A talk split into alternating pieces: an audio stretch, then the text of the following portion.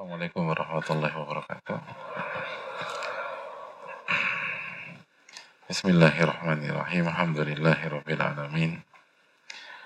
Wabihi nasta'in ala umuri dunia wa din wa salatu wa salamu ala ashrafi anbiya wa mursalin wa ala alihi wa sahbihi wa man sara ala nahji bi ihsanin ila yaumi din wa ba'd. Allahumma inna nas'aluka ilman nafi'an wa na'udzubika min ilmin la yanfa'. Ya Allah berikanlah kami ilmu yang bermanfaat dan lindungilah kami dari ilmu yang tidak bermanfaat. Tes. Uh, hadirin Allah muliakan, Alhamdulillah. Alladzi bi ni'mati tatimu salihat. Kita bersyukur kepada Allah Subhanahu wa taala atas segala nikmat dan karunia yang Allah berikan kepada kita. Khususnya nikmat uh, bisa meningkatkan iman kita walaupun sesaat nikmat ilmu, nikmat uh, melangkahkan kaki ke masjid, nikmat uh, kesempatan untuk memuliakan uh, ilmu itu sendiri, bukan hanya belajar, tapi memuliakan ilmu, sehingga kita bisa punya peluang yang jauh lebih besar untuk mendapatkan ilmu nafi, ilmu yang bermanfaat. Dan hadirin yang Allah muliakan, uh, selalu kita ingatkan bahwa PR syukur kita besar. PR syukur kita itu besar. Dan itu blind spot kita. Kita terpola dari dulu itu fokus mengejar apa yang belum kita dapatkan. Dan kurang dalam mensyukuri apa yang telah kita dapatkan. Padahal kunci mendapatkan tambahan nikmat adalah bersyukur. Secara tegas Allah berfirman, La in syakartum la azidannakum. Jika kalian bersyukur, aku akan tambah. Aku akan tambah. Jelas. Sedangkan effort lain tidak ada jaminan. Emang ada jaminan kalau kita coba cara A pasti dapat tambahan atau kita pakai set job B dapat tambahan?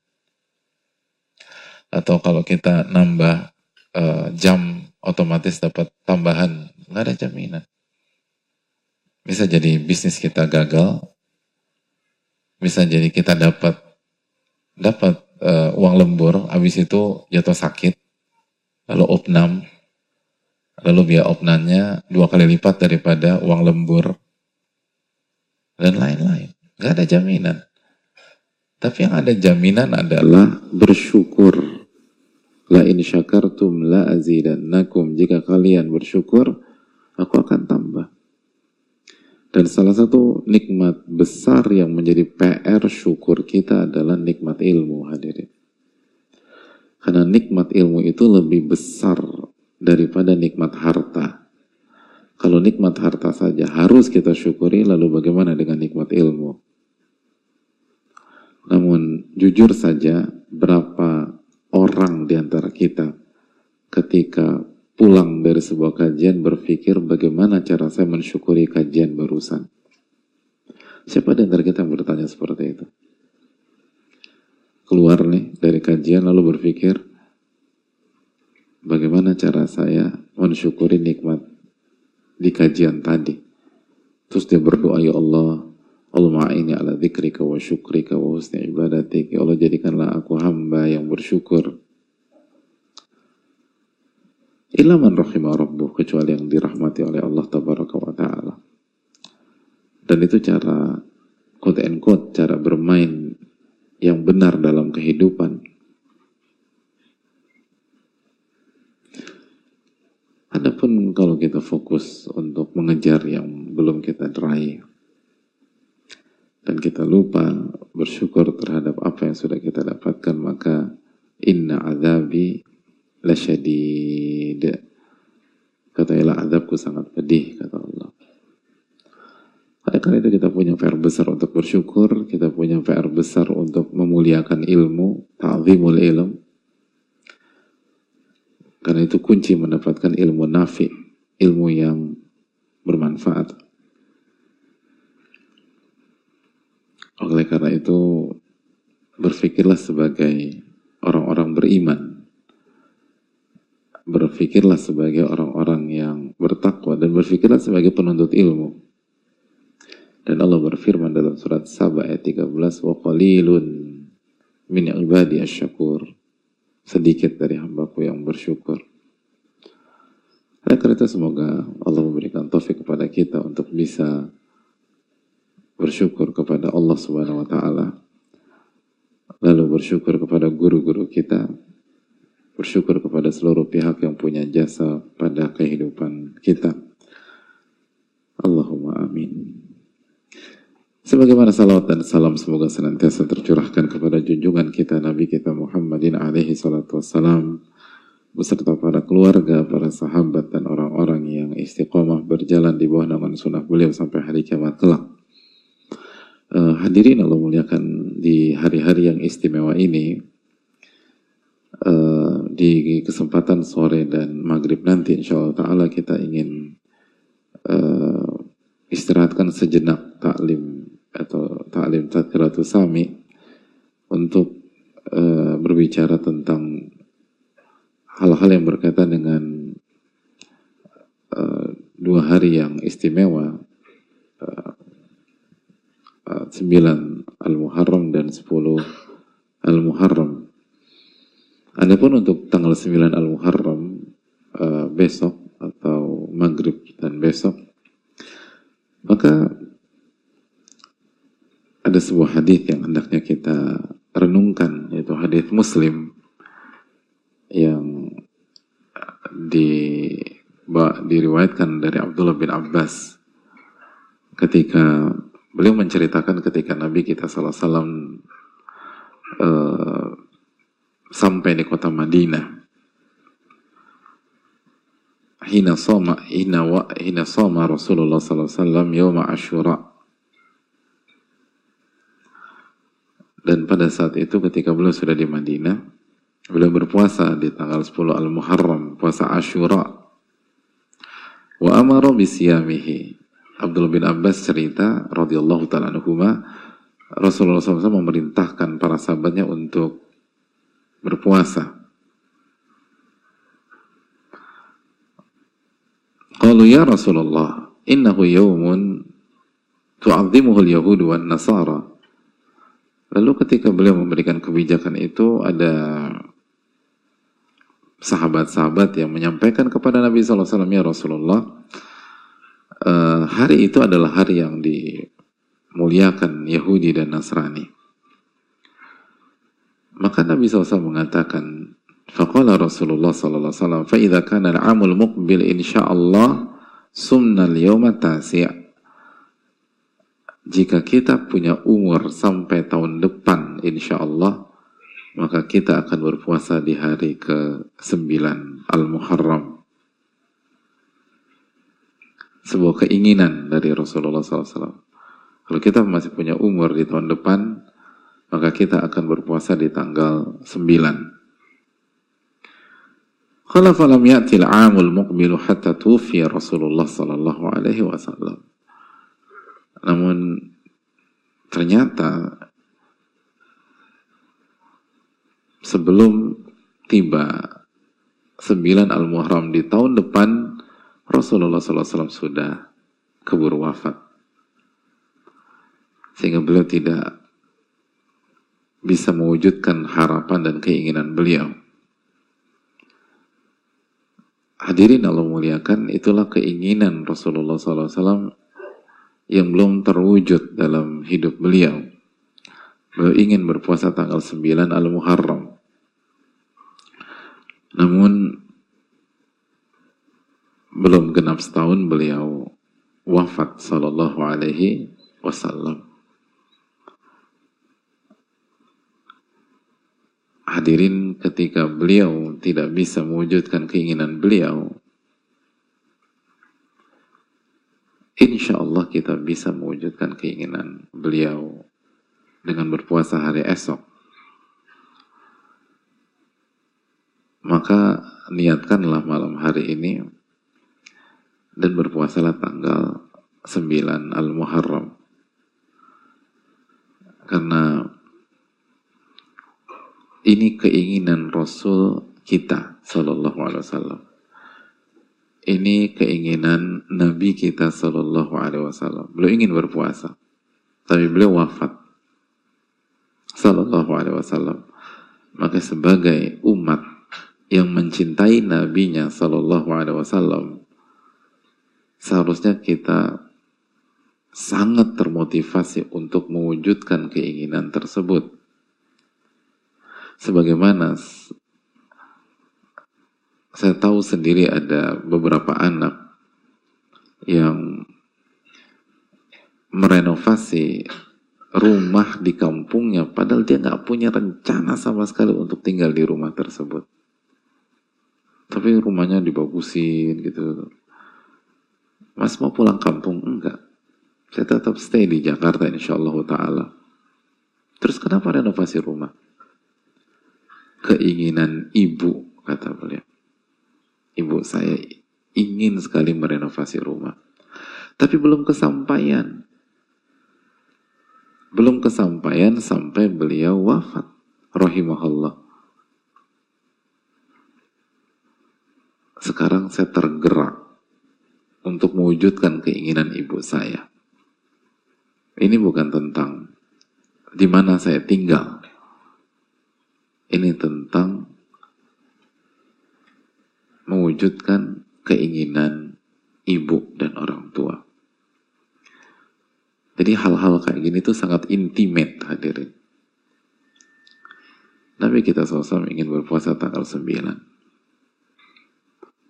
Lalu beliau wafat. Lalu bagaimana sikap kita? Dan hendaknya kita jawab di dalam hati masing-masing dan kita tahu bahwa pahala puasa sunnah di bulan Al-Muharram sangat besar sebagaimana yang disabdakan Nabi SAW bahwa sebaik-baik puasa setelah bulan Ramadan berpuasa di bulan Allah yang kalian namakan Al-Muharram oleh karena itu walaupun puasa Tasu'a atau tanggal 9 bukanlah puasa wajib namun hadirin Allah muliakan, semoga kita bisa mewujudkan keinginan Rasulullah Sallallahu Alaihi Wasallam. Itu tentang tanggal 9. Adapun tanggal 10 atau hari Senin biidznillah taala tanggal 10 adalah tanggal 10 hadirin Ya iya Pak Ustadz, masa tanggal 11? Ya iya benar. Maksud saya itu ini hari sangat bersejarah dalam dalam peradaban manusia.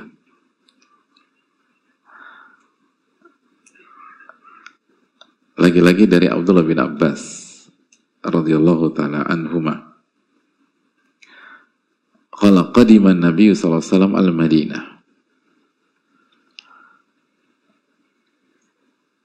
Nabi SAW sampai dan tiba di kota Madinah. Fara'al Yahuda tasumu yawma Ashura. Maka beliau sallallahu alaihi wasallam melihat orang Yahudi berpuasa di hari Ashura. Berpuasa di tanggal 10. Faqala mahada. Beliau bertanya, kenapa mereka puasa? Qalu hadha yawmun salih. Ini adalah hari yang saleh. Dalam riwayat hadha yawmun azim. Ini hari yang besar, hari yang agung. Anjallahu fihi Musa wa qawmahu wa gharraqa Fir'auna wa qawmah. Di hari ini Allah menyelamatkan Nabi Musa alaihi salam dan pengikutnya dan Allah tenggelamkan Fir'aun dan pengikutnya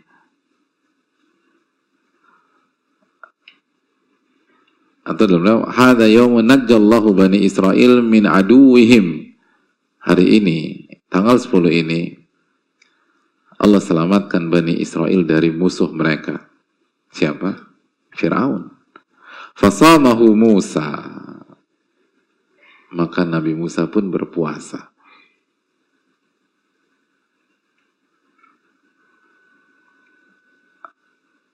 Dalam riwayat, syukran lillahi ta'ala. Dalam rangka bersyukur kepada Allah subhanahu wa ta'ala. Fanahnu nasumuhu. Maka kami pun berpuasa. Maka Nabi kita Sallallahu Alaihi Wasallam menyampaikan fa'ana ahaqqu bi Musa minkum fasamahu wa amara bisiyamihi. Lalu Nabi SAW mengatakan, aku lebih berhak terhadap Nabi Musa.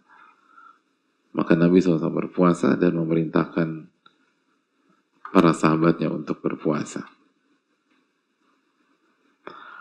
Dan dalam riwayat Nabi mengatakan, Antum ahaqqu bi Musa minhum fasumu. Kalian lebih berhak terhadap Nabi Musa dibanding mereka. Maka berpuasalah.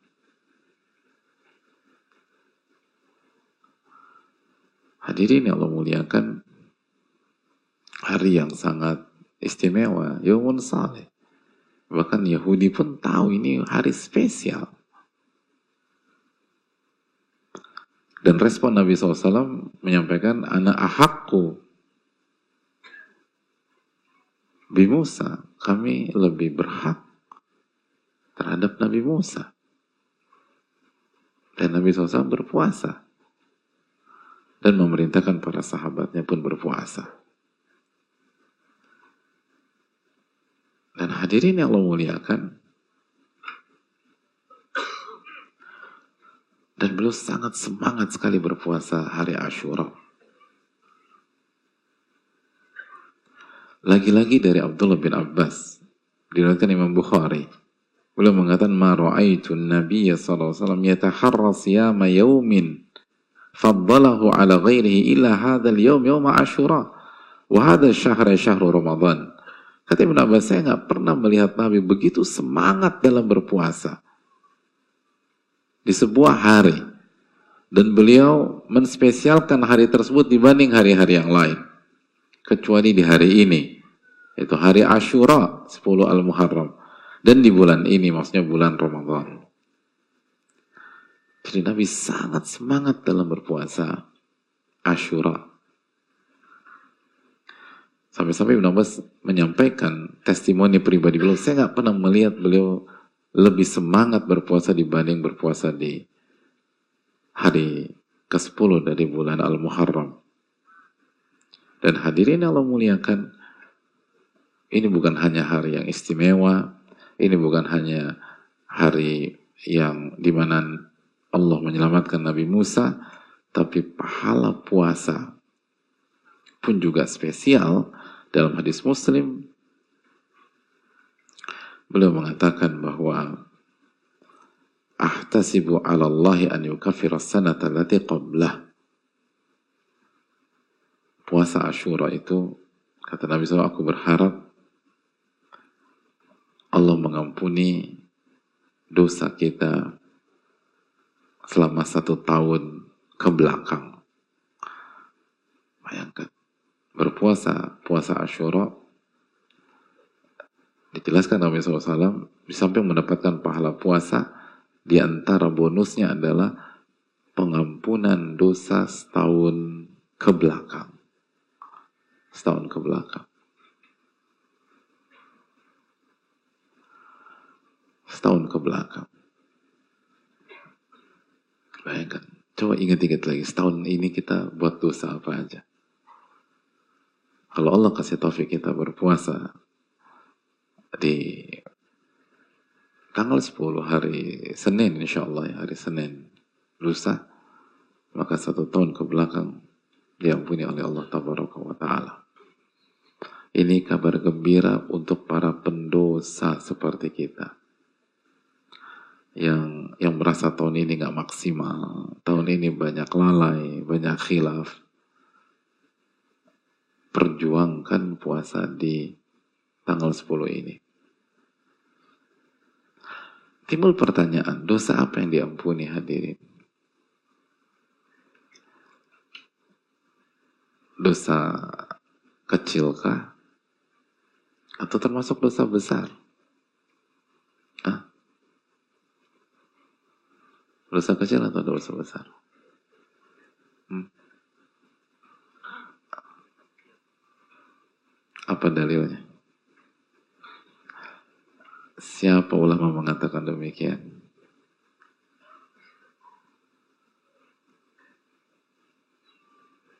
Ah, terus dapat itu dari mana?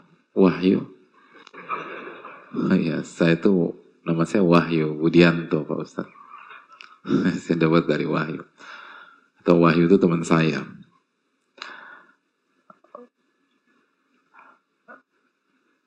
Ya itu yang dikatakan Imam Nawawi dosa kecil.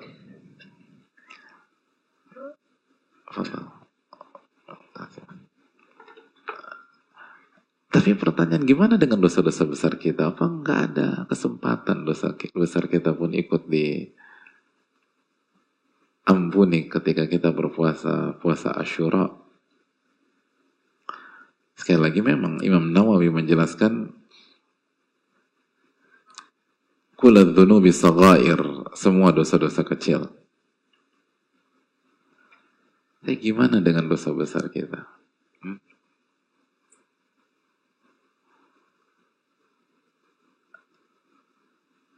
Gimana dosa besar? Gimana? Enggak, maksudnya kita nggak bicara tobat. Kira-kira ada peluang nggak dosa besar kita terampuni dengan kita puasa puasa hari Ashura. Hmm? Kok pesimis-pesimis semua sih kayaknya enggak deh puasa. Enggak ada optimis insya Allah Pak. Insya Allah mana keterangannya? Mana dalilnya? Pokoknya insya Allah lah. Hadirin Allah muliakan.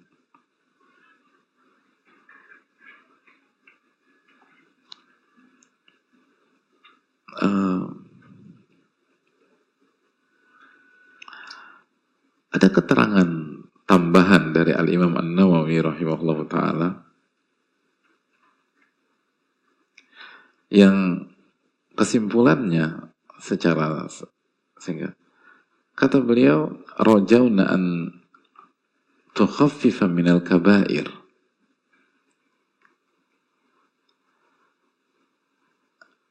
Kami berharap dosa kecil, dosa besar pun bisa diringankan. Jadi dosa besar selama yang dilakukan di satu tahun ini itu bisa diringankan. Belum menjelaskan memang beberapa uh, dengan beberapa kondisi. Lalu kesimpulannya adalah kami berharap dosa besar pun bisa di kurangilah sama Allah Subhanahu wa taala dengan puasa Asyura. Gimana dia Sudah puas belum? Kalau saya kok belum, karena saya pendosa hadirin. Atau kayaknya tenang-tenang aja. Kayaknya nggak ada dosa besar di puasa setahun ini. Makanya dari tadi itu kayaknya antum kurang antusias dengan dosa besar. Kayaknya semua dosa kecil tahun ini. Ya, terserahlah kayak bukan urusan saya. Saya udah cek nggak ada lah. Orang kayak saya saya gini kan yang mikir, aduh kok mana dosa besarnya nih gitu. Kita banyak melakukan dosa besar di tahun ini. Gimana ada? Apakah ada? Apakah benar-benar tertutup kesempatan dosa besar kita diampuni dengan puasa Ashura? Atau masih ada secerca harapan? Gimana gimana? Kan lumayan lah, dikurangi lah, lumayan tuh kurangi. Nah sekarang kita pengen dihapuskan lah. Ada peluang nggak menurut antum? Hah? Insya Allah. Apa dalilnya dari tadi? Dari tadi insya Allah terus insya Allah.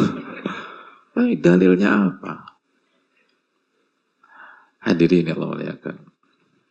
Insya Allah peluang ke sana ada. Jika kita benar-benar ikhlas.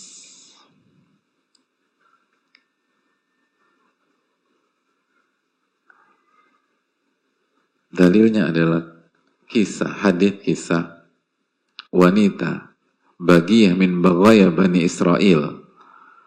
Kisah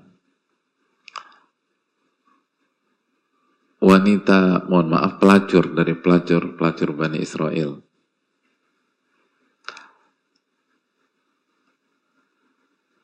Yang ia melihat seekor anjing mengitari sebuah sumur. Yalhath. Lidahnya dijulurkan sebagai ekspresi kehausan yang luar biasa. Maka apa yang dilakukan oleh wanita ini? Maka ia buka bootnya, sepatu boot dibuka. Lalu dia turun ke bawah, masuk ke dalam sumur. Lalu diambilnya air dengan sepatu boot, masuk ke dalam bootnya, lalu dia berusaha naik lagi ke atas. Lalu begitu berhasil keluar dari sumur itu, diberikan minumlah anjing tersebut. Lalu apa kata Nabi SAW? Fagufirolaha bihi. Maka dosa-dosanya diampuni oleh Allah karena perbuatannya tersebut. dosa-dosanya diampuni oleh Allah karena perbuatannya tersebut. Pertanyaannya, apa dosanya hadirin? Hmm? Dosanya apa? Bukan hanya zina, pelacuran ini hadirin. Pelacuran. Saya ingin tanya, zina sekali itu dosa besar, dosa kecil? Dosa besar, apalagi profesional. Ya mungkin satu hari bisa lebih dari satu, dua, tiga kali. Na'udzubillah, mana na'udzubillah. Ini lebih fatal. Tapi fagufirolaha bihi. Allah ampuni semua dosa-dosanya. Karena perbuatannya tersebut. Nah timbul pertanyaan, apa perbuatannya hadirin? Ah, ah, memberikan minum seekor anjing. Maka kesimpulannya kalau begitu, barang saya memberikan minum seekor anjing, maka dosa zinanya diampuni. Bro, gue baru dapat nomor telepon tadi malam. Perfect. Lo mau ikut gue nggak malam ini? Eh, tapi haram bro. Dosa zina kan haram. Tenang. Tetangga gue punya anjing. Tiga lagi anjingnya. Kita beliin susu aja, susu. Gue kemarin baru ngaji. Itu air sumur aja. Air sumur nih bro ya. Air sumur itu mengampuni dosa pelacuran. Kita beliin susu nanti. Kita. Di dekat rumah gue ada pet shop gitu, susunya impor. Kalau perlu lima anjing kita kasih. Apakah begitu hadirin sekalian? Bukan. Dijelaskan para ulama ketika menjelaskan hadis di atas, ini bukan tentang memberikan minum kepada kepada seekor anjing semata karena kalau enggak prakteknya bisa bahaya. Ini tentang keikhlasan. Ini tentang keikhlasan. Dan jelas orang yang ber, orang yang uh, berniat memberikan minum seekor anjing agar dia bisa berzina dia nggak ikhlas. Makanya nggak mungkin masuk. Nggak nyambung Maka jika memberikan minum ke seekor anjing, jika dilakukan dengan penuh keikhlasan, itu bisa menghapuskan dosa besar apalagi puasa jika dilakukan dengan penuh keikhlasan. Karena dari sisi jenis amalan, dari sisi jenis, puasa lebih tinggi derajatnya dibanding memberikan minum. Walaupun memberikan minum adalah amalan yang sangat mulia. Tapi puasa di atas itu, karena puasalah yang secara jenis itu masuk ke rukun Islam syahadatain, sholat, zakat, puasa, haji. Jadi kalau memberikan minum dengan ikhlas, orang bisa mendapatkan pengguguran dosa besar, apalagi jika dengan ikhlas dia berpuasa. Maka peluang ke sana sangat besar. Oleh karena itu hadirin Allah muliakan, jangan hanya sekedar puasa. Semakin kuat amalan hati kita pada saat kita beribadah, pada saat kita berpuasa Ashura, maka semakin besar pahala kita dan semakin terbuka penghapusan terhadap seluruh dosa-dosa kita. Kecuali nanti yang timbul pembahasan para ulama tentang misalnya doa, eh doa dosa uh, horizontal itu pembahasannya tersendiri. Karena jihad saja tidak bisa menyelesaikan hutang. Hadirin yang Allah muliakan kembali lagi, maka kita ingin puasa kita di tahun ini atau puasa taswa kita, puasa asyura kita khususnya itu lebih berkualitas dibanding tahun-tahun yang lalu. Jangan sampai puasa ini hanya rutinitas tahunan. Karena itu menentukan pahala kita. Dan itu menentukan banyaknya dosa yang diampuni oleh Allah Subhanahu wa taala. Oleh karena itu hadirin Allah muliakan pada kesempatan kali ini poin berikutnya kita ingin lebih merenungi lagi satu atau dua sisi kejadian yang terjadi di tanggal 10 tersebut yang tidak bisa dipisahkan dengan puasa Ashura. Sebagaimana yang disabdakan oleh Nabi SAW ketika mendengar yang ketika mendengar alasan bahwa hari ini adalah hari di mana Allah menyelamatkan Nabi Musa dan pengikutnya dan Allah menenggelamkan Fir'aun dan pengikutnya beliau mengatakan atau maka Nabi Musa berpuasa dan beliau mengatakan Fa'ana ahak Fa'ana ahakku bi Musa minkum. Aku lebih berhak terhadap Nabi Musa. Fasamahu. Maka beliau pun berpuasa dan memerintahkan para sahabat untuk berpuasa. Maka jelas puasa ini nggak bisa dipisahkan dengan kejadian tersebut. Maka untuk punya kualitas puasa Ashura yang jauh lebih kuat, jauh lebih berkualitas, kita harus lebih meresapi kejadian itu hadirin Allah muliakan. Dan kejadian itu sangat luar biasa. Kejadian itu ada klimaks dari perjuangan Nabi Musa alaihissalam ketika berhadapan dengan Fir'aun. Sebuah cerita yang sangat banyak disampaikan oleh Allah Subhanahu wa taala di dalam Al-Qur'anul Karim.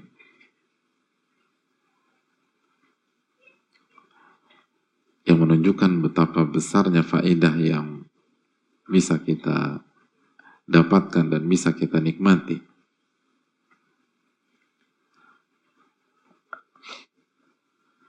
Oleh karena itu Allah berfirman dalam surat Al-Qasas ayat 3 Natlu alaika min naba'i Musa wa Fir'aun bil haqqi liqaumin yu'minun. Kami menceritakan kepada engkau cerita Nabi Musa dan Fir'aun dengan benar ceritanya valid apa yang Allah sebutkan dalam Al-Quran tentang kisah Nabi Musa itulah yang terjadi pada saat itu liqaumin yu'minun bagi kaum yang beriman kepada Allah Subhanahu wa taala. Hadirin yang Allah muliakan,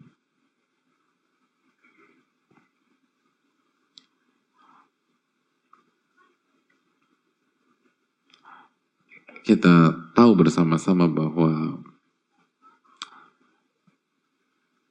Nabi Musa itu totalitas dalam mendakwahi Fir'aun hadirin.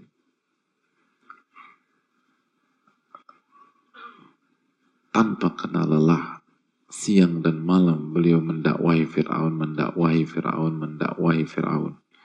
Bahkan Al-Hafidh Ibnu Kathir sampai mengatakan lama tala maqamu Musa di biladi Misr.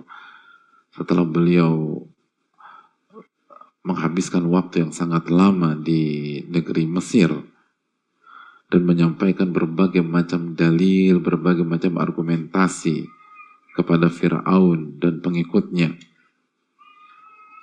dan mereka menolak, mereka membantah, mereka segala macam. Bahkan dalam riwayat diriwayatkan kisah uh, hari Ashura atau jarak antara kejadian hari Ashura dengan kejadian penyihir saja itu 40 tahun diriwayatkan. Jadi lama banget gitu. Sangat lama, 40 tahun dari kisah penyihir ke kejadian di hari Ashura itu diriwayatkan sebagian mengatakan 40 tahun. 40 tahun. Sampai Allah perintahkan beliau untuk keluar.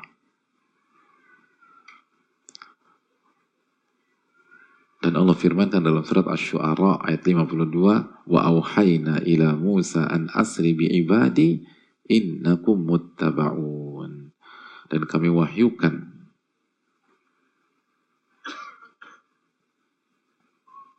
kepada Nabi Musa, pergilah di malam hari dengan membawa hamba-hambaku. Karena sesungguhnya kalian akan di kejar dan disusul. Akhirnya Allah perintahkan untuk keluar. Setelah berpuluh-puluh tahun, mungkin lebih, gak ada hasil, gak ada ini. Dan Nabi Musa tetap sabar, tetap sabar, tetap sabar sampai turun wahyu ini. Wa auhayna ila Musa an asri bi ibadi innakum muttaba'un. Maka ketika kita puasa hari Ashura hadirin ini kembali mengingatkan kita tentang kesabaran para nabi dalam berdakwah. Kesabaran para nabi berdakwah lamanya luar biasa hadirin lalu kita baru satu dua tahun sudah stres sudah sumpah serapa orang-orang yang nggak mau menerima dakwah kita. Nabi Musa nggak bergeming, dakwahin terus, dakwahin terus sampai turun wahyu. Dan kalau kita ambil riwayat itu dari dari kejadian penyihir sampai ini wahyu ini 40 tahun. Siapa di antara kita dakwah 40 tahun hadirin? 40 tahun dakwah. Itu dari kasus penyihir. Sabar. Siang dan malam berdakwah. Dengan cara yang bijak, cara yang baik. Semua dalil disampaikan, argumentasi dicurahkan. Sampai akhirnya tibalah saatnya untuk keluar dari Mesir. Sudah, waktu sudah habis. Siapa yang menentukan Nabi Musa? Bukan. Allah tabaraka wa ta'ala. Wa ila Musa an asri bi ibadi innakum muttaba'un.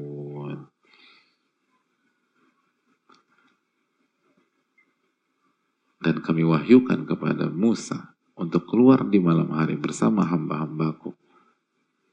Sesungguhnya kalian akan dikejar.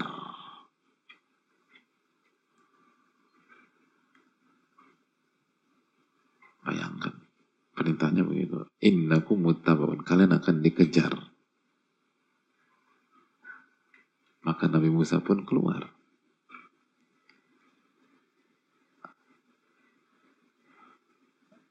Lalu apa yang terjadi? Kita lanjutkan ayat ke-53 dan setiap kita hendaknya buka musaf masing-masing. Kita nggak bahas seluruhnya ya, kita hanya fokus ke sini saja karena kisah Nabi Musa itu terlalu mewah, terlalu panjang, terlalu besar untuk dibahas di satu kajian seperti ini. Tapi semoga kita dapat hikmah sehingga kita menambah keimanan kita secara umum dan kita bisa puasa Asyura lebih maksimal lagi di tahun ini. Fa'arsala fir'aunu fil madaini hasyirin.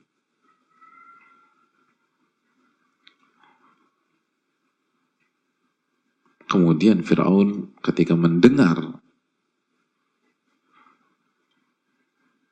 hal tersebut, beliau mengirimkan orang yang mengumpulkan tentara-tentaranya di kota-kota tersebut. Oh, dikumpulkan luar biasa. Jadi, diriwayatkan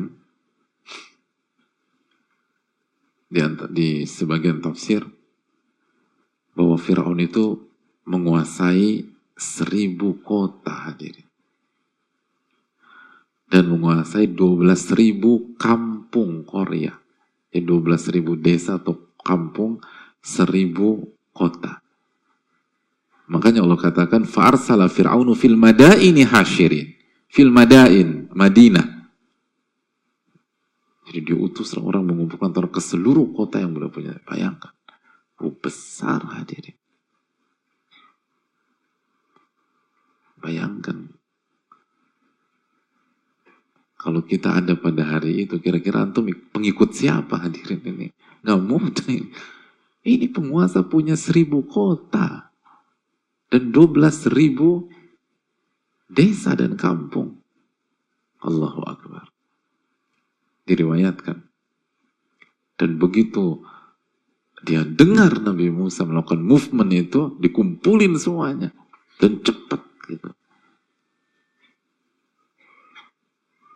Lalu apa kata Fir'aun? Inna haulai lasyidrimatun qalilun. Fir'aun mengatakan, sesungguhnya mereka itu Bani Israel benar-benar kecil dan sedikit. Ini mereka, ya Allah. Kalau bahasa kita gitu ya. Fir'aun bilang, eh, mereka ini nggak ada apa-apanya. Mau mau melakukan movement seperti mereka itu sedikit. Mereka itu sedikit. Gak banyak mereka.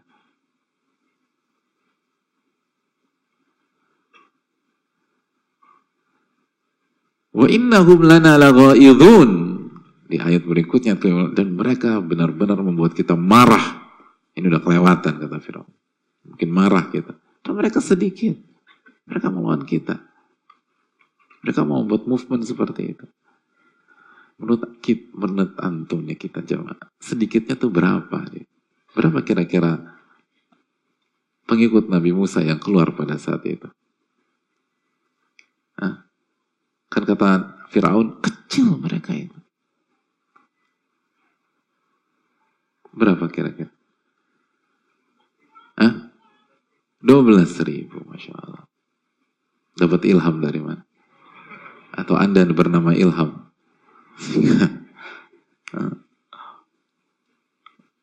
Kenapa 12 ribu? Apa? Yakin. Loh. Diriwayatkan sebagai di sebagai buku tafsir 670 ribu orang. Kurang lebih. Yakin. Masih hadir. 670 ribu itu banyak apa sedikit hadirin? Satu rombongan keluar. Banyak. Tapi Fir'aun bilang itu kecil. Sedikit kata Fir'aun. Kenapa? Karena diriwayatkan mukaddimah Fir'aun, tentara Fir'aun, mukaddimah, garda depannya saja 700 ribu. Bayangkan, itu baru garda depan.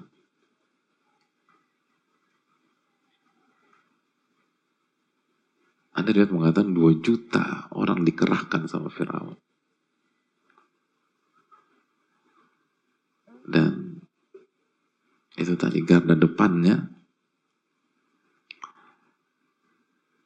itu sudah cukup untuk berhadapan dengan seluruh Nabi Musa dan seluruh pengikutnya. Dan semua dikerahkan hadirin sama Fir'aun. Semuanya. Semuanya. Haman turun semua tentara-tentara, pembesar-pembesarnya, semua diturunkan.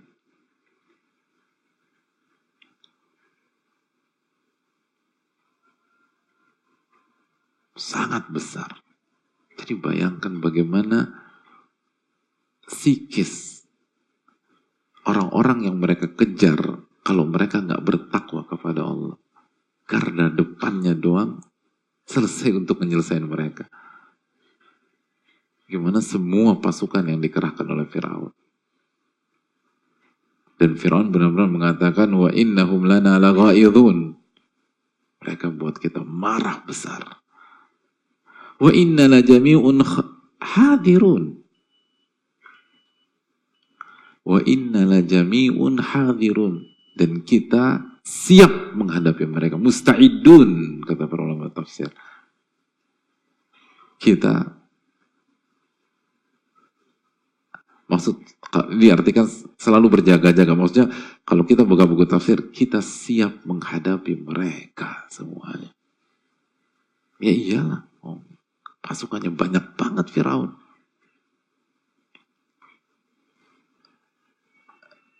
Gak mudah jadi pengikut Nabi Musa pada saat itu hadirin. Dikejar sama kekuatan besar seperti ini.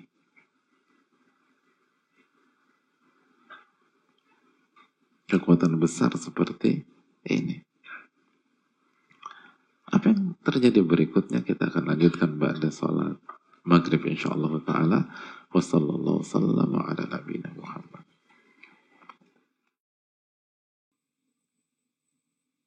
Assalamualaikum warahmatullahi wabarakatuh. Bismillahirrahmanirrahim. Alhamdulillah. Wassalatu wassalamu ala rasulillah wa ala alihi wa sahbihi wa man wala wa ba'd.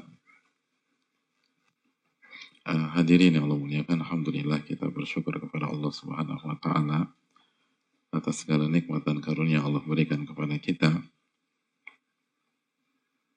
Sebagaimana salawat dan salam semoga senantiasa tercurahkan kepada junjungan kita, Rasul kita alaihi salatu wassalam, beserta para keluarga, para sahabat dan orang-orang yang istiqomah berjalan di bawah naungan sunnah beliau sampai hari kiamat kelak. Uh, kembali Allah perintahkan Nabi Musa untuk berangkat di malam hari. Dan itu mem mematik amarah Fir'aun. Sampai ia mengatakan wa innahum lana uh, mereka benar-benar membuat kita marah. Wa innala jami'un hadirun dan kita siap menghadapi mereka. Uh, kita tadi sudah katakan bahwa jumlah Nabi Musa yang 670 ribu orang itu bayangin ya 670 ribu itu banyaknya minta ampun walaupun dalam riwayat yang lain 620 ribu. Tapi range seperti itulah hadirin. Itu 600 setengah juta orang hadirin. Banyaknya minta ampun. Satu stadion sepak bola aja 100 ribuan orang. Berarti itu 6 stadion dan seterusnya. Dan semua berjalan dalam satu waktu, satu arahan Nabi Musa alaihissalam. Dan Fir'aun bilang itu sedikit bagi kita. Dan dia mengerahkan, dia mengerahkan sebagian mengatakan 2 juta orang. Dan saat garda depannya aja cukup untuk menghadapi mereka. 700 ribu. Dan 700 ribu itu pasukan semua. Sedangkan 670 ribu, kata para ulama, itu nggak nggak semua eh, laki-laki uh, dewasa yang uh, yang yang bisa berhadapan. Ada anak-anak, ada wanita, ada orang tua, dan lain-lain. Dan berangkatlah pasukan Firaun tersebut dan kita lihat ayat ke-57 hadirin, sangat menarik. Min jannatin wa uyun. Dan kami keluarkan Fir'aun dan kaumnya dari taman-taman dan mata-mata air. Apa maksudnya? Ah, kami keluarkan mereka semua dari Mesir. Mesir sebuah kota yang negeri yang indah hadirin sekalian. Banyak taman, banyak mata air wa kunuzin wa maqamin karim dari pembenaran mereka dan kedudukan yang mulia. Allah buat mereka keluar semua. Allah buat mereka keluar semua. Fa'akhrajnahum. Allah maha mampu buat segala sesuatu. Amarah mereka. Ledakan emosi mereka. Membuat mereka tanpa berpikir panjang mengerahkan seluruh kekuatan mereka dan mereka keluar dari Mesir. Semua keluar hadirin. Mereka keluar dari negeri mereka, mereka keluar dari pertahanan mereka, mereka keluar dari uh, uh, kota-kota mereka, mereka keluar dari uh, pembendaraan dan kedudukan-kedudukan mereka. Makanya kan sampai Haman ikut, semua ikut kata para ulama. Cek tes. Agar apa? Kenapa Allah katakan fa'akhrajnahum min jannati wa. Kami keluarkan mereka semua. Lihat ayat ke-59 hadirin. Kadzalika wa awratnaha bani Israel. Begitulah cara kami agar nanti kami berikan, kami anugerahkan dan kami wariskan ke Bani Israel. Sudah selesai. Begitu semua dihabisi, selesai. Ya, nah, nanti dikasih ke Bani Israel ini kita kita teringat dengan ayat dalam ayat ke-54 dalam surat Ali Imran. Wa makaru wa makarallah. Mereka buat makar dan Allah balas mereka. Lihat ketika uh, Allah buat mereka nggak bisa berpikir panjang mereka terbawa tersulut api emosi hadirin mereka ngejar Nabi Musa itu bukan hanya dengan uh, kekuatan militer, tapi dengan nafsu. Nafsu. Sebenarnya sekali lagi, kalau Fir'aun tadi punya berapa? Berapa kota tadi? Nah, seribu kota, terus berapa kampung? 12 ribu. Untuk mengejar nomor 70, harusnya kan dia nggak perlu ikut hadirin sekalian.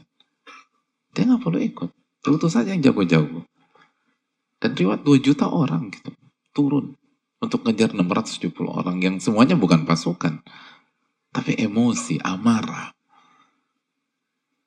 Dan Allah katakan kan, Allah katakan itu dalam apa ayat ke-55 tadi, la ghaidun, lihat amarah ngerusak seseorang. Mau sejenius apa pun, mereka orang-orang jenius. Mereka ikon kekuatan perang. Wa Fir'aun dzil autad dalam Al-Quran. Ikon kekuatan perang yang Allah sebutkan dalam Al-Quran kan Fir'aun. Tapi begitu kejeniusan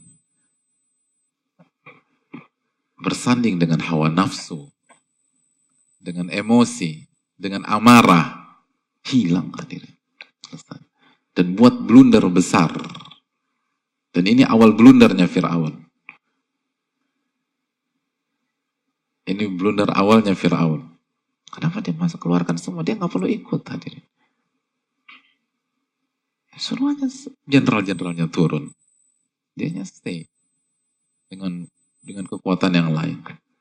Itu karena depannya aja selesai mungkin. Kalau kita berpikir secara militer ya, nomor 70 sipil bergabung antara pendekar dan sipir dan prajurit ketemu dengan 700 ribu semua prajurit kan secara hitung-hitungan di atas kertas menang. Kenapa semuanya turun? Kenapa semua turun? Fa'akhrajnahum min jannati wa Kami yang buat mereka semua keluar dari negeri mereka. Lihat, kami yang buat mereka keluar. Firaun kemakan omongannya, kata Firaun, Wa ana rabbukumul a'la. Kami Rob yang paling tinggi dan Rob ke bawah emosi hadirin. Subhanallah. Kami yang buat mereka keluar. Kami yang buat mereka keluar. Dan dan meledak euforia. Kami siap menghadapi mereka. Ya siap, tapi kan gak harus keluar semuanya. Kenapa keluar semuanya? Ini keluar semua. Iya, jadi ini kalau kita bisa meresapi hal-hal seperti ini, lalu kita uh, kembali renungkan pada saat kita puasa di tanggal 10 dan seterusnya, gimana bahaya hawa nafsu, bagaimana bahaya emosi, bagaimana bahaya amarah yang tidak terkontrol, itu bisa merusak semuanya, habis-habis. Dan Allah tinggal simpel mengatakan, dan kami wariskan nanti ke Bani Israel Kami wariskan ke pihak yang mereka kejar dan mereka anggap lemah. Itu kan. Yang mereka katakan qalilun, mereka tuh sedikit, mereka lemah. Nah, kami wariskan ke pihak yang mereka anggap lemah tersebut. Peta langsung berbalik hadirin dalam hitungan waktu yang sangat singkat. Dan dan sebelum siapa yang berpikir semua akan dikerahkan sama Firaun, kekuatan semua kekuatan yang dia punya dia keluarkan semuanya. Hadirin Allah muliakan. Begitulah Allah uh, tetapkan untuk orang-orang yang zalim, untuk orang-orang yang uh, uh, sombong. Saya rasa bisa didengar hadirin. Tes, cek, tes. Ahmad bisa dengar jelas?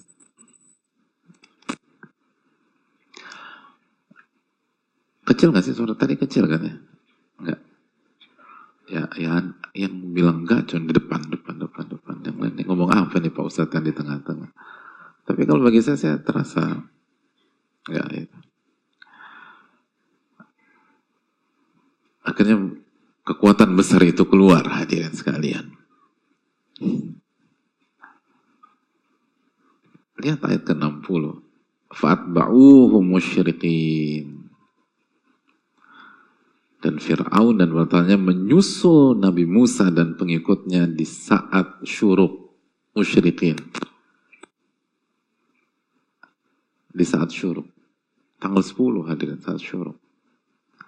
Jadi pas kita puasa tanggal 10, pas pagi-pagi, itu di masa itu itu momen genting itu terjadi di pagi itu. Fatba'uhum musyriqin. Mereka menyusul di saat waktu syuruk atau waktu pagi. Bayangkan kekuatan yang sangat besar. Maka nggak heran hadirin sekalian Falamma tara al-jam'an. Kita lanjutkan ayatnya. Dan ketika kedua belah pihak sudah saling melihat Fir'aun dan bala tentara melihat Nabi Musa dan pengikutnya dan Nabi Musa mengikut dan pengikutnya melihat Fir'aun dan bala tentara yang begitu mengerikan itu ada di belakang mereka. Qala ashabu Musa maka berkata sebagian dari pengikut Nabi Musa Inna lamudrokun. kita akan benar-benar tersusul dan tertangkap. Kita akan tertangkap. Hadirin, terjadi kegalauan di tengah-tengah Nabi Musa. Jadi bayangin gak sih, 670 ribu orang tuh banyak. Tapi begitu ngeliat ke belakang, garda depannya 700 ribu hadirin. Dan senjata lengkap, komplit. Itu baru garda depannya, belum tengah dan belakang. Wih, hadirin. Goncang hadirin sekalian. Ngeri hadirin. Padahal Atam pernah ngeliat orang 700 ribu orang. Dan semua bawa senjata lengkap dan membidik antum gitu. 700 ribu. Maka nggak heran sebagian pengikut Nabi Musa mengatakan innalah mudrokun. Kita akan ketangkap. Kita akan ketangkap. Kita akan tersusul. Dan pada saat itu mereka mentok ke Laut Merah.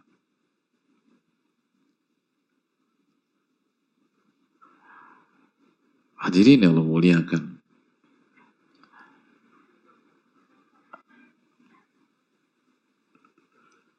Pada saat itu,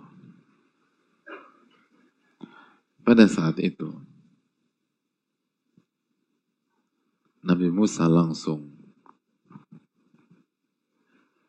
membantah dan mengatakan Qala kalla inna ma'i rabbi sayahdin sekali-kali tidak. Robku yang akan. Atau nggak merasa ada gangguan sound enggak enggak ya di depan saya nggak ada masalah sama sekali. Yang bilang enggak cuma paling depan paling depan paling depan paling depan.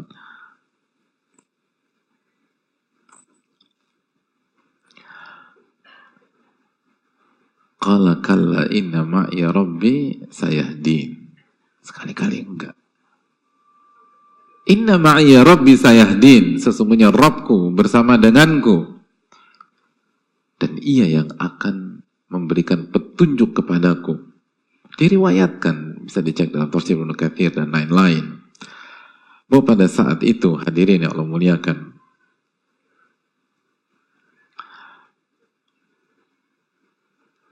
uh, semua bingung kan di depan itu ada Nabi Harun, ada Yusha bin Nun, ada orang-orang beriman dari Ali Fir'aun. Dan diriwayatkan Nabi Musa mengumpulkan uh, pengikutnya dan mengatakan bahwa la yasilu syau mimma tahdharun. Saya katakan kepada kalian, apa yang kalian takutkan tidak akan kejadian. Tidak akan sampai kepada kalian. Fa inna Allah subhanahu amarani an asiraha huna bikum.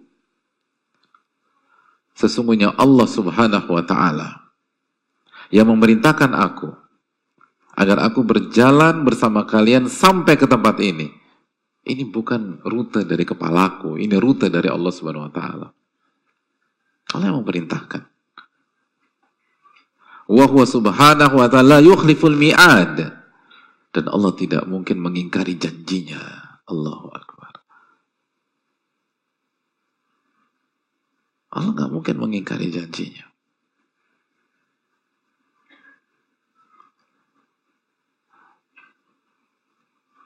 Allah yang perintahkan saya. Ini bukan pemikiran saya, ini bukan logika saya. Allah yang perintahkan saya keluar bersama kalian. Allah yang mengarahkan rutenya. Allah nggak mungkin mengingkari janjinya. Lihat bagaimana iman.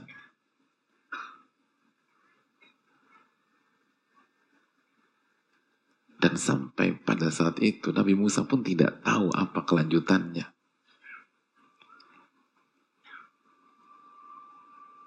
Nabi Musa pun tidak tahu. Makanya pakai kata saya din. Allah akan memberikan aku petunjuk. Sin.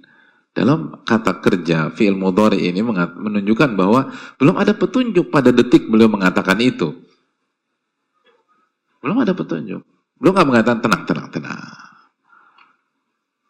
Tenang, jangan emosi. Saya tahu. Allah udah kasih tahu. Allah gak, Nabi Musa nggak bilang hadani, enggak. Saya din. Allah akan memberikan petunjuk. Artinya belum ada petunjuk. Makanya dalam riwayat hadirin sekalian, begitu Nabi Musa sampai ke ujung uh, laut tersebut, beliau kan berdoa. Ya man kana qabla kulli syai' wahai zat yang ada sebelum adanya segala sesuatu. Wal mukawwin li kulli syai' dan menciptakan segala sesuatu. Wal kain ba'da kulli syai' dan yang akan tetap eksis setelah semua sesuatu itu sirna ij'al lana makhraja. Ya Allah berikanlah kami jalan keluar itu doanya. Bisa dicek dalam tafsir Ibnu Katsir. Nabi Musa masih doa, ya Allah berikanlah kami jalan keluar. Makanya dalam ayat berikutnya ayat ke-63 fa'auhayna ila Musa an idrib bi'asaka al-bahra fanfalaqa. Maka kami wahyukan kepada Musa, pukulkan tongkatmu ke permukaan laut tersebut. Fanfalaqa, maka laut pun terbelah. Fakana kullu firqin kattaidil azim. Maka setiap jalan dan setiap belahan itu seperti gunung-gunung yang besar.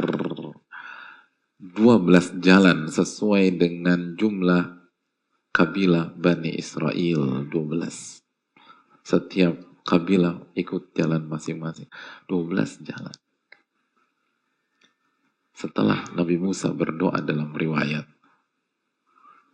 Hadirin yang Allah muliakan. Wazlafna thummal akhari. Lalu kami biarkan golongan Nabi eh, golongan berikutnya untuk mendekat.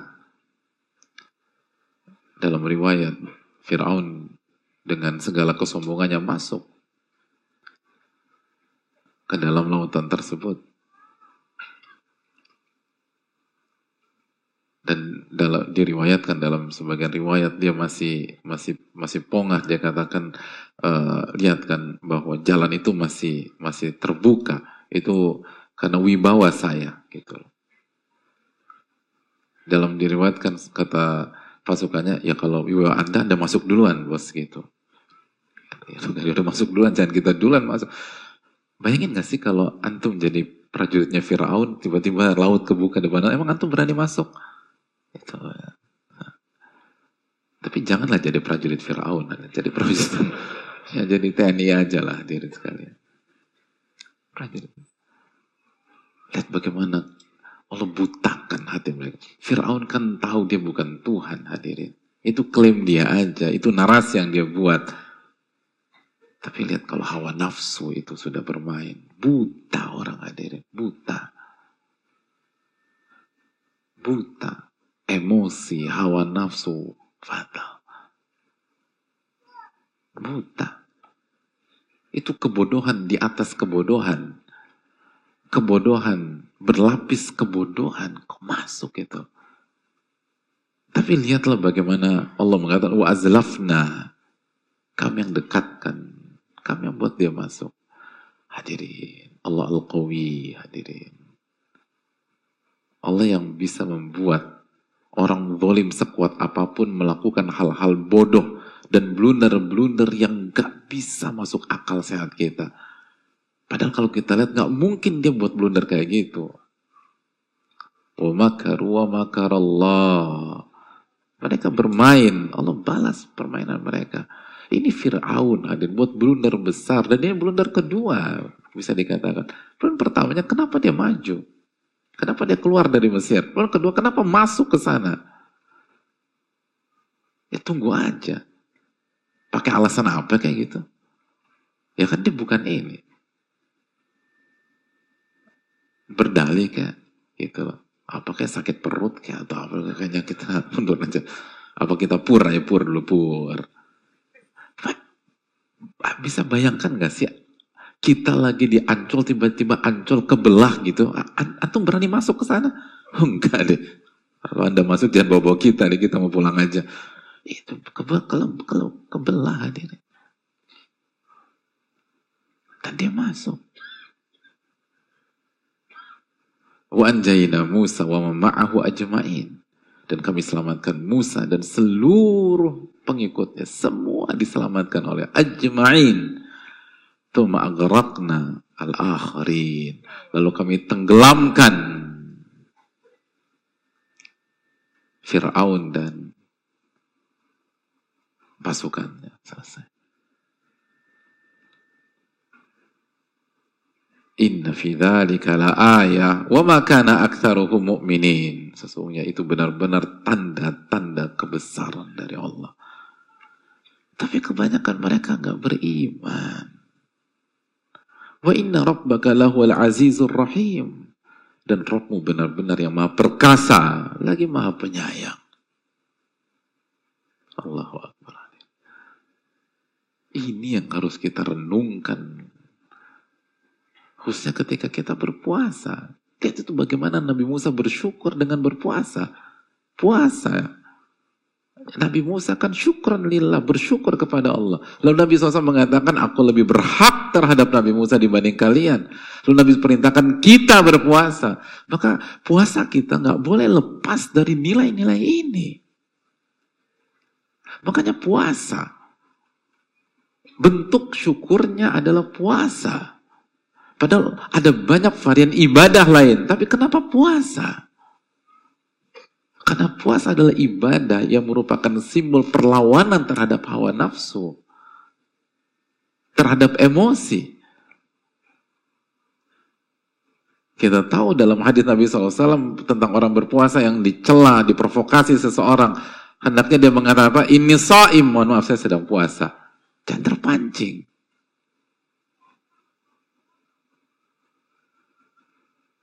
Puasa adalah simbol perlawanan terhadap hawa nafsu. Ketika kita puasa kita nggak boleh, kita tidak boleh menggunakan sebagian hawa nafsu kita yang jelas-jelas halal secara hukum asal. Kita nggak boleh makan, kita nggak boleh minum, kita nggak boleh berhubungan dengan istri kita, semua halal secara hukum asal. Tapi begitulah puasa. Ini tentang edukasi, ini tentang tarbiyah, bagaimana kita mengontrol hawa nafsu kita. Bagaimana hawa nafsu itu harus tunduk kepada dalil, harus tunduk pada perintah Allah, harus tunduk pada larangan Allah, harus tunduk pada ibadah. Hawa nafsu nggak boleh kita kasih panggung. Emosi dan amarah itu nggak boleh kita kasih panggung. Satu-satunya marah yang diperbolehkan marah karena Allah. Dan itu objektif bukan liar. Makanya fasoma, Nabi Musa puasa. Karena di tanggal 10 pada hari itu, itu benar-benar diperlihatkan bagaimana hawa nafsu, amarah itu menghancurkan kekuatan besar yang sangat ikonik dalam sejarah peradaban manusia Fir'aun. Itu blunder besar hadirin. Blunder besar. Karena hawa nafsu. Dan dari awal dia menolak Nabi Musa karena hawa nafsu. Dia tahu dia bukan Rob ya hadirin. Semua manusia tahu dia hanyalah hamba. Mana ada Rob khawatir digulingkan. Kalau dia Rob ngapain dia dia apa dia eksekusi itu bayi-bayi laki-laki itu clear dia bukan Rob.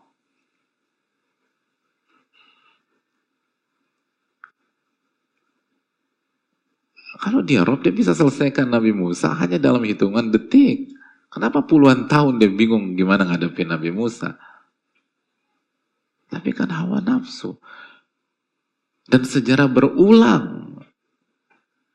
Jika kita melakukan pola yang sama, maka apabila kita hidup dengan mengedepankan hawa nafsu kita, dengan memberikan hawa nafsu kita panggung dalam kehidupan kita, maka siap-siap kita melakukan blunder-blunder fatal dalam kehidupan kita.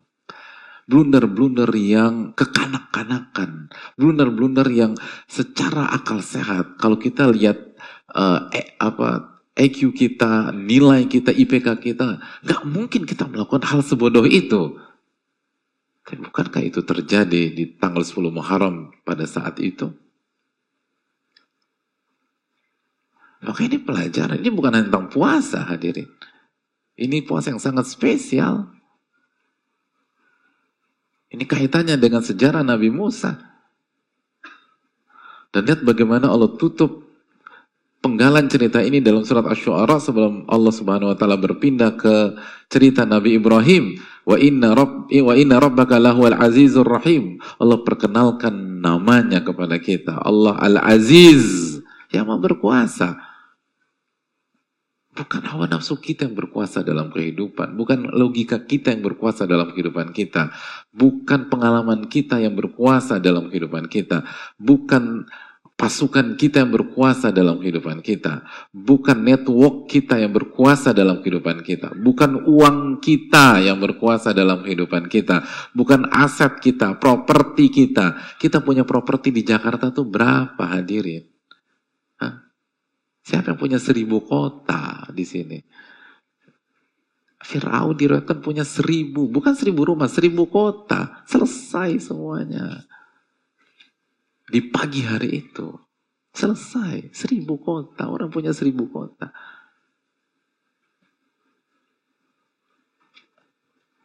Oh kita beli satu satu petak tanah aja nggak mampu di Jakarta ini. Susahnya minta ampun.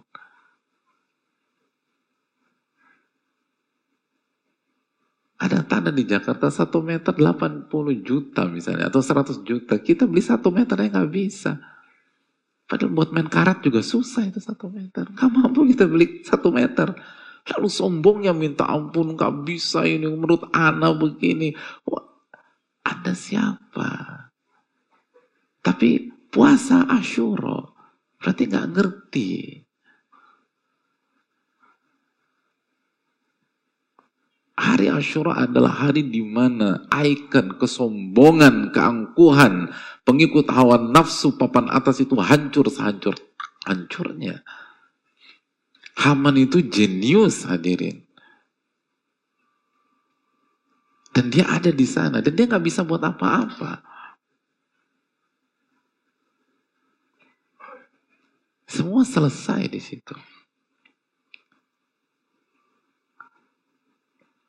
Maka puasa tahun ini harus berkualitas, harus maksimal, harus dengan peresapan dan perenungan. Ini bukan puasa satu hari, ini bobotnya satu tahun kan penghapusan dosa. Orang yang benar-benar mengerti puasa Ashura, maka dia akan berusaha merubah diri kita, diri dia dia kedepankan Allah subhanahu wa ta'ala. Yang maha berkuasa Al-Azizur Rahim. Allah yang maha berkuasa. Dan di waktu yang sama Ar-Rahim yang maha penyayang. Maka nggak mungkin Allah zolim sama kita. Berbeda dengan kita mungkin. Ada banyak dari kita karena merasa berkuasa di rumah tangga kita kita zolim sama istri kita. Kita zolim sama anak-anak kita. Allah nggak mungkin zolim maka kalau Allah perintahkan sesuatu, larang sesuatu, takdirkan sesuatu ke kita, maka pasti itu adalah bentuk kasih sayang Allah Subhanahu wa taala. Itu yang harus kita renungkan khususnya pada saat kita berada di hari Ashura. Karena nggak bisa dipisahkan dengan kejadian Nabi Musa. Dan lihat hadirin, pagi itu mengajarkan kepada kita bahwa iman itu harus didahulukan sebelum apa yang kita lihat dan apa yang kita dengar. Itu kunci kebahagiaan dunia dan di akhirat. Kalau kita ingin bahagia di dunia dan di akhirat, kita ingin tenang di dunia dan di akhirat, maka kedepankanlah iman dan janji Allah di atas apa yang kita lihat dan apa yang kita dengar. Apa yang membuat, ini terakhir, apa yang membuat sebagian pengikut Nabi Musa goncang? Karena sebagian dari mereka bertumpu pada penglihatan. Mereka melihat Fir'aun dengan tentara yang luar biasa di belakang dan laut di depan.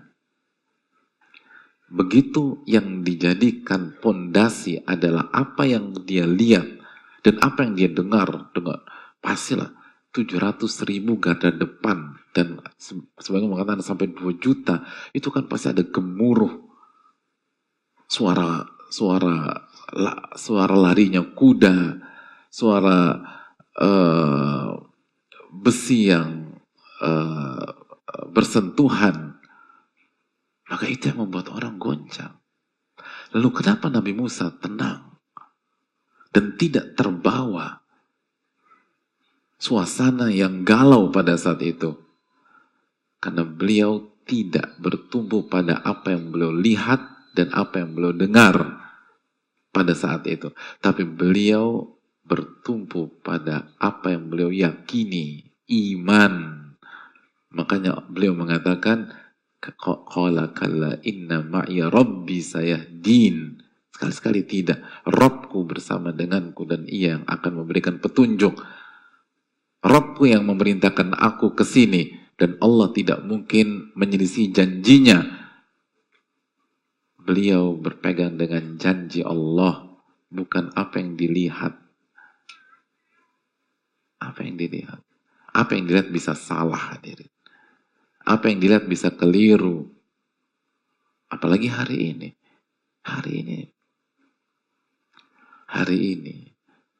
Itu sekarang itu kita sudah sampai di sebuah titik asap itu bisa terjadi tanpa ada api hadirin. Teknologi luar biasa. Semua bisa dibuat hari ini. Kita kalau hidup tanpa iman selesai hadirin. Kalau kita lebih berpegang ucapan manusia dibanding janji Allah, tamat kita. Oleh karena itu hadirin yang memuliakan, kedepankanlah iman. Berpuasalah, dengan meyakini nilai-nilai ini. Ini kemenangan iman di atas kekufuran. Ini kemenangan tauhid di atas kesyirikan. Ini kemenangan wahyu di atas hawa nafsu. Itu hari Ashura hadirin. Jika kita lihat sejarahnya Nabi Musa pada pagi tersebut. Ini bukan tentang gak makan, gak minum. Ini tentang apa yang kita yakini dan apa yang Allah janjikan kepada diri kita. Oleh karena itu hadirin yang Allah muliakan,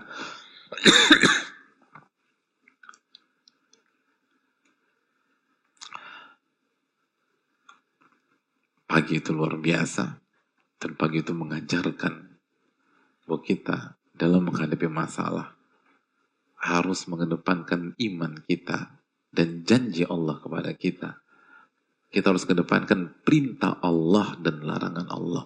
Makanya Nabi Musa mengatakan, Allah yang perintahkan saya keluar bersama kalian dan melalui rute ini.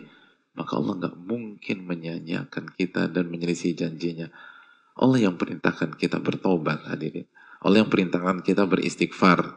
Allah yang perintahkan kita berhijrah.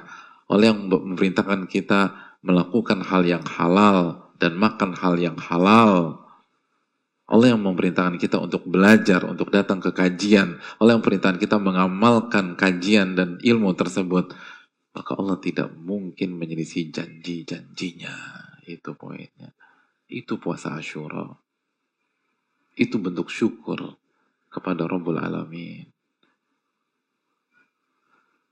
Makanya banyak di antara kita setiap tahun puasa Ashura tapi nggak ada perubahan dari segi kualitas hidup. Kenapa? Karena berpikir ini hanya tentang nggak makan, nggak minum dari fajar sampai maghrib. Bukan ini bukan tentang itu. Ini tentang keimanan.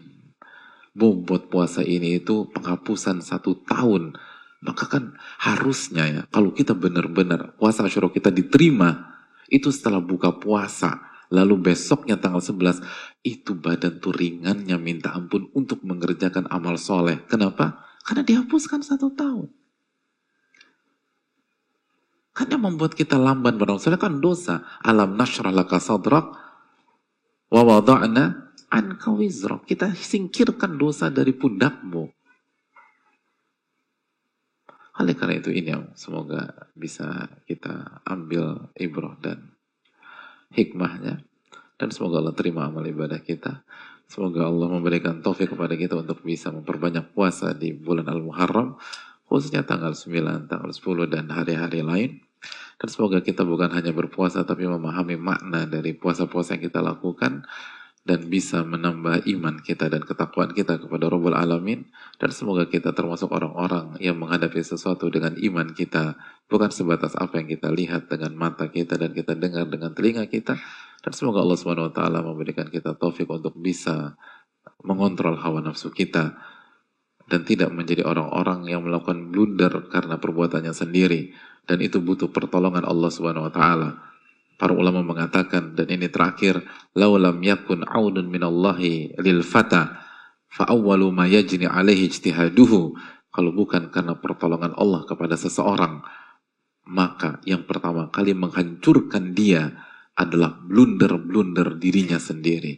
Aku lu qali hadza wa astaghfirullakum subhanaka wa la ilaha illa anta astaghfiruka wa atubu ilaik. Assalamualaikum warahmatullahi wabarakatuh.